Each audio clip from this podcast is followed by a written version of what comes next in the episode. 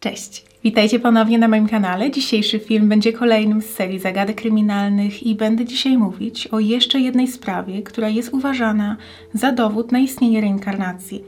Pod moim odcinkiem na temat sióstr Polok pojawiła się zażarta dyskusja, ponieważ część z Was jest całkowicie zwolennikami teorii o istnieniu reinkarnacji, a część jest zupełnie przeciwna. I myślę, że właśnie taka dyskusja jest bardzo ciekawa. Dzisiejsza historia różni się jednak tym, że jest trochę trudniejsza do obalenia. Jest tutaj wiele pozornych zbiegów okoliczności, które trudno logicznie wytłumaczyć. Jeśli więc chcielibyście poznać szczegóły sprawy Camerona McCalleya, to zapraszam Was do oglądania. Cameron urodził się i dorastał w Glasgow, największym mieście w Szkocji. Miał jednego starszego brata i chłopcy byli wychowywani tylko przez matkę, Normę. Przez pierwsze dwa lata życia Camerona wszystko wydawało się normalne, jednak gdy tylko chłopiec zaczął mówić, Norma zauważyła, że jego ulubionym tematem jest opowiadanie o życiu, które już kiedyś przeżył. Oczywiście na początku były to pojedyncze słowa i bardziej gaworzenie, jednak z biegiem lat zmieniło się to w pełne zdania i obrazowe opisy. Chłopiec twierdził, że w poprzednim życiu nosił to samo imię. Cameron jednak mieszkał w zupełnie innym miejscu. Miała to być wyspa o nazwie Bara, należąca do Szkocji. To miejsce faktycznie istnieje. Jest to wyżynna wyspa w archipelagu hybrydów zewnętrznych w pobliżu zachodniego wybrzeża Szkocji. Długość wyspy to 16 km. Na stałe mieszka tam nieco ponad 1000 osób. Od Glasgow dzieli ją 350 km. Można się tam dostać drogą morską, choć podróż jest długa, lub polecieć samolotem. Loty trwają zwykle około godzinę. Nietypowe było to, że chłopiec z pewnością nigdy nie był na wyspie i też nikt w jego otoczeniu nie potrafił stwierdzić, w jaki sposób się o niej dowiedział. To nie było na tyle znane miejsce, żeby mógł po prostu usłyszeć o tym w rozmowie dorosłych czy dowiedzieć się w przedszkolu. Gdy zaczynał mówić o wyspie, podawał mnóstwo szczegółów, tak jakby faktycznie tam był. Na pewno to nie był tak pobieżny opis, jaki poznałby na przykład z telewizji. Oprócz opisu wyglądu wyspy, opisywał także dom, w którym mieszkał oraz swoją rodzinę. Powiedział, że mieszkał razem z rodzicami, dwójką rodzeństwa i czarno-białym psem rasy border collie albo podobnym. Wspomniał, że jego matka miała piękne, długie włosy, które w pewnym momencie postanowiła ściąć, a jego ojciec zginął w wypadku samochodowym. Cameron powiedział nawet, że mężczyzna nazywał się Shane Robertson. Zdarzało się, że chłopiec miewał epizody smutku, podczas których nie dało się go pocieszyć. Twierdził wtedy, że tęskni za swoją poprzednią mamą, którą bardzo kochał. Było oczywiste, że emocje, które odczuwał, były prawdziwe. Nawet jeśli ten inny świat został wymyślony, to tęsknota naprawdę go raniła i Norma obawiała się, że może to być dla niego źródłem prawdziwej traumy. Chłopiec bardzo żałował też, że jego obecna mama nie może poznać poprzedniej. Jego zdaniem były podobne i na pewno dobrze by się dogadały. Wspominał również, że jego ulubioną formą spędzania wolnego czasu na wyspie były wycieczki na plażę w towarzystwie psa. Zachodnie wybrzeże Bary to głównie piaszczyste plaże, a wschodnie jest skaliste, co mogło wskazywać na to, że jego dom znajdował się na zachodzie wyspy. Chłopiec codziennie wspominał o swoim poprzednim życiu i widać było, że naprawdę tęskni za tym, co kiedyś przeżył – po raz pierwszy zaczął wspominać o barze, gdy miał około dwa lata i to trwało przez kolejne trzy. Początkowo Norma podchodziła do tego bardzo sceptycznie. Wiadomo, że dzieci mają wyjątkowo bujną wyobraźnię i postrzegają świat inaczej niż dorośli. Potrafią tworzyć swoje własne światy i to, co tam widzą i przeżywają, jest dla nich jak najbardziej prawdziwe. Często też wymyślają sobie różne miejsca i potrafią opowiadać o nich godzinami. Przypadku Camerona było jednak trochę inaczej, ponieważ miejsce, które odpisywał, faktycznie istnieje, dlatego teoretycznie można było to zweryfikować. Po kilku latach nieustannego słuchania o wyspie, Norma postanowiła skontaktować się ze specjalistą. Chciała go zapytać, czy to, czego doświadcza jej syn, jest normalne dla dziecka w tym wieku, czy może ma on problemy psychiczne. Trzecią opcją było to, że chłopiec mówi prawdę i faktycznie już kiedyś żył, a to byłoby fenomenem na skalę światową. Norma skontaktowała się z psychologiem, doktorem Chrisem Frenchem, który na co dzień zajmuje się weryfikowaniem i obalaniem teorii o zjawiskach nadprzyrodzonych i szukaniem logicznych, naukowych wytłumaczeń dla pozornie niewytłumaczalnych fenomenów. Norma pokładała w ekspercie spore nadzieje. Było pewne, że nie będzie on bezrefleksyjnie wierzył w teorię o reinkarnacji. I rzeczywiście, lekarz od razu zaznaczył, że dzieci w tym wieku mają wyjątkowo bujną wyobraźnię. Dodatkowo powiedział, że w dzisiejszych czasach Cameron miał dostęp do wielu form masowego przekazu. Nie tylko słuchał rozmów dorosłych w swoim otoczeniu, ale także miał dostęp do telewizji. Z drugiej strony jednak, gdy zapytano chłopca, czy pamięta ten moment, kiedy przeszedł z jednego życia do drugiego i w jaki sposób znalazł się w Glasgow ze swoją obecną rodziną, to miał na to odpowiedź. Powiedział, że jakby wpadł do ciemnej dziury i ocknął się już tutaj. Jest to motyw, który bardzo często powtarza się w relacjach osób, przede wszystkim dzieci, które podejrzewa się, że także przeszły przez proces reinkarnacji.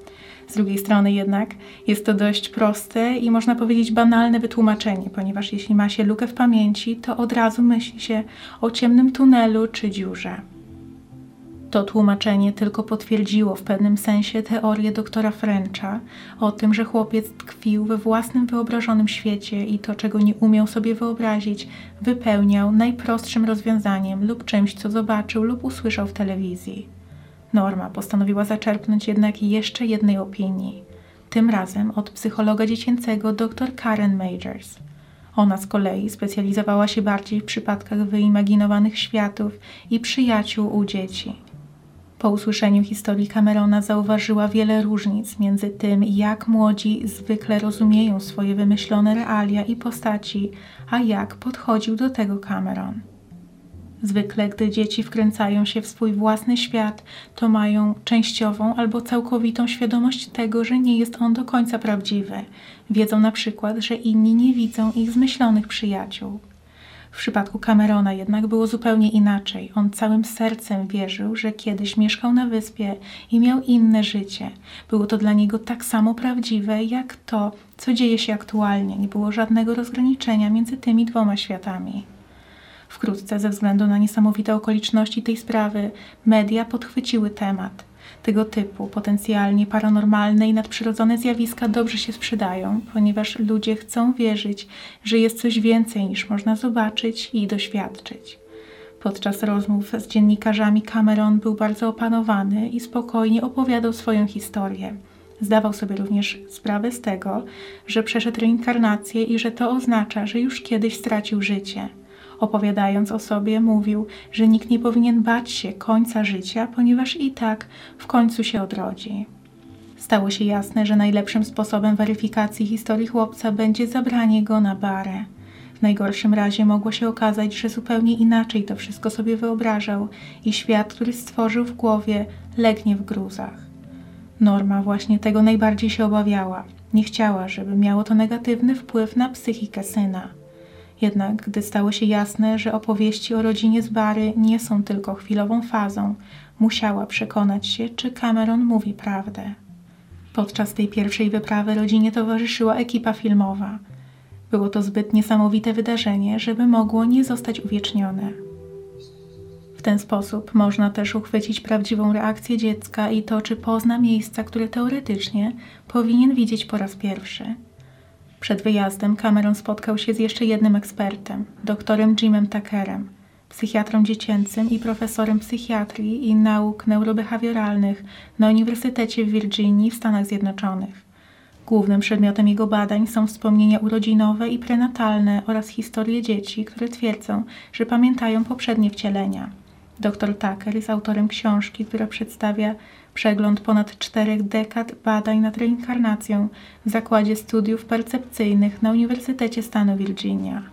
W 2006 roku zajął się sprawą Camerona McCalleya i spędził wiele miesięcy na analizowaniu tego niespotykanego przypadku. Specjalnie przyleciał ze Stanów Zjednoczonych do Szkocji, żeby spotkać się z chłopcem.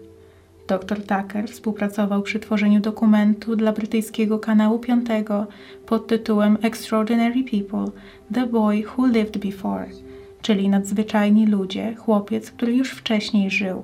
Ten odcinek programu dotyczył właśnie sprawy Camerona. Zanim jeszcze wyruszono na bary, z Cameronem przeprowadzono dokładny wywiad, żeby wszystko jak najlepiej udokumentować i później móc porównać to z rzeczywistością. Chłopiec opisał, jak wyglądały okolice domu, w którym mieszkał z rodzicami i rodzeństwem oraz sam budynek, że był biały i piętrowy. Powiedział także, że niedaleko znajdowało się lotnisko, ale że samoloty nie lądowały tam na pasach, a na plaży.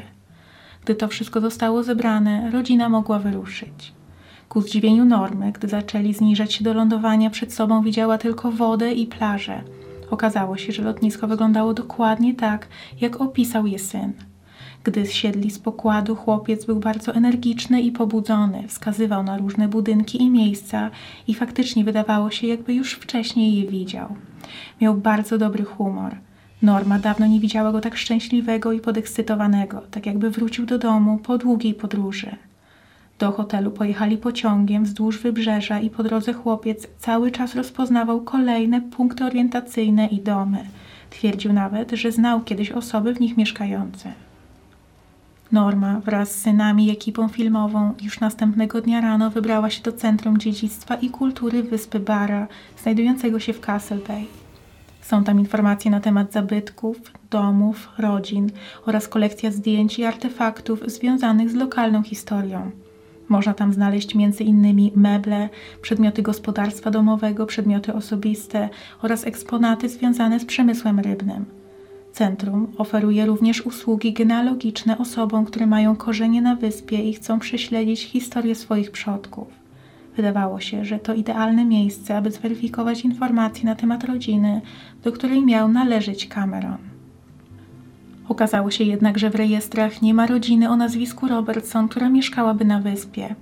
Ta wiadomość była dla doktora Takera i pozostałych uczestników wyprawy bardzo rozczarowująca.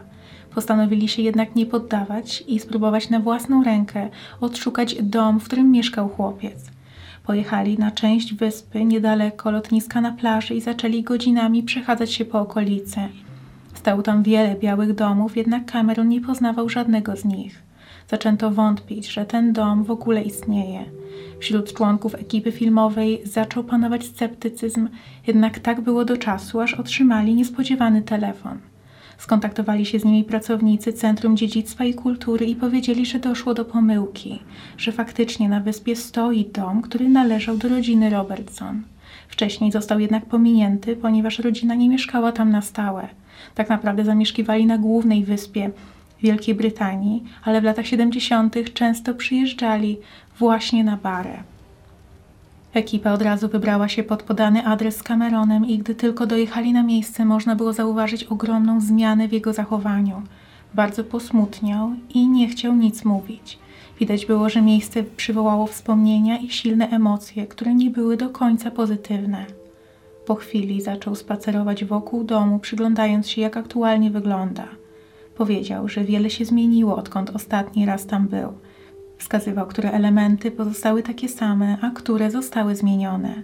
Gdy wszedł do środka, był w stanie powiedzieć, który pokój należał do niego, który do rodzeństwa, a który był rodziców. Wspominał aktywności i zabawy, w jakich brał tam udział.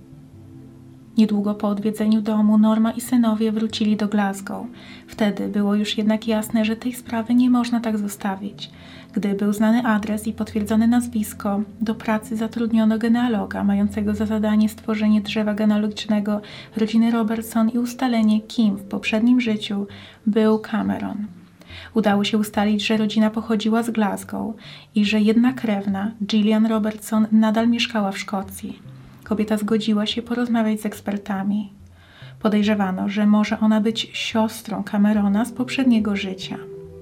Kobieta powiedziała, że ma do dyspozycji kilka zdjęć i gdy pokazała je dziennikarzom, okazało się, że jest na nich pies, który jest czarno-biały. Wyglądał dokładnie tak, jak ten opisywany przez Camerona. Na tym jednak podobieństwa się kończyły. Nic więcej się nie zgadzało. Kobieta powiedziała, że nikt w rodzinie nie miał na imię Cameron i że na pewno nie miała brata o tym imieniu, a jej ojciec ani nikt inny z rodziny nie miał na imię Shane. Tylko jeden z wujków nazywał się James, ale to był koniec podobieństw. Nie zgadzała się również wersja o wypadku samochodowym. Ani James, ani nikt inny nie uczestniczył w tragicznej w skutkach kraksie. Z biegiem lat pamięć Camerona na temat poprzedniego życia zaczęła stopniowo zanikać. Jeśli pamiętacie odcinek na temat sióstr Polok, to tam było podobnie. Przez pierwsze lata życia bliźniaczki wykazywały ogromne podobieństwa ze swoimi siostrami, jednak gdy skończyły 7 lat, już nic nie pamiętały. I tak też było w przypadku Camerona. W tej sprawie, jak i we wszystkich podobnych, nie da się znaleźć bezpośrednich dowodów na istnienie reinkarnacji. Jest to na pewno kwestia wiary w coś, czego nie można naukowo wyjaśnić zobaczyć na własne oczy, czy doświadczyć na własnej skórze. Dla niektórych taka pamięć miejsc i wydarzeń będzie wystarczająca, a dla innych nie. Prawdopodobieństwo jednak, że Cameron dowiedział się tak wiele na temat wyspy z samej telewizji jest nieprawdopodobne. Chłopiec pamiętał dokładnie dom, a on na pewno nie był pokazywany czy opisywany w żadnych mediach. Z drugiej strony jednak trudno wyjaśnić, dlaczego Camerona nie ma w żadnych rejestrach, jeśli faktycznie kilka lat żył na wyspie. Podczas szukania informacji na temat tej sprawy trafiłam na jedną abstrakcyjną teorię, mówiącą o tym, że Cameron mógł być psem. Dlatego wszystko pamiętał, ale nie było go w rejestrach jako człowieka. Ta wersja wyjaśniałaby wiele, ale na pewno jest to tylko dla osób o mocnej wierze w tego typu nadprzyrodzone zjawiska. Pojawiły się także wzmianki o tym, że mógł tam żyć jako duch i faktycznie być dzieckiem swoich rodziców, jednak urodzić się znacznie wcześniej niż Gillian i dlatego dziewczyna nie wiedziała nawet, że ma brata. Ostatnią opcją jest teoria o równoległym wszechświecie, że Cameron faktycznie żył właśnie w tym domu, w tym czasie, jednak była to alternatywna rzeczywistość do tej, którą znała Gillian. Z tego co wiadomo, aktualnie Cameron prowadzi całkowicie normalne życie. Nie ma już pamięci na temat swojego poprzedniego wcielenia i pamięta tylko tę wyprawę na barę, którą odbył w dzieciństwie. Jestem bardzo ciekawa, jakie są Wasze odczucia na ten temat. Czy do takich historii podchodzicie sceptycznie, czy może z bardziej otwartym umysłem i dopuszczacie możliwość wytłumaczenia tego fenomenu właśnie reinkarnacją? A może słyszeliście coś jeszcze na temat Camerona, o czym dzisiaj nie wspomniałam? Dajcie mi proszę znać w komentarzach, jak również jeśli macie propozycje, o jakich innych sprawach mogłabym powiedzieć w kolejnych odcinkach z tej serii. Na koniec zachęcam Was również do obserwowania mnie na Instagramie, ponieważ ostatnio regularnie wrzucam tam posty i zdjęcia. A teraz bardzo dziękuję Wam za oglądanie i do zobaczenia. Cześć!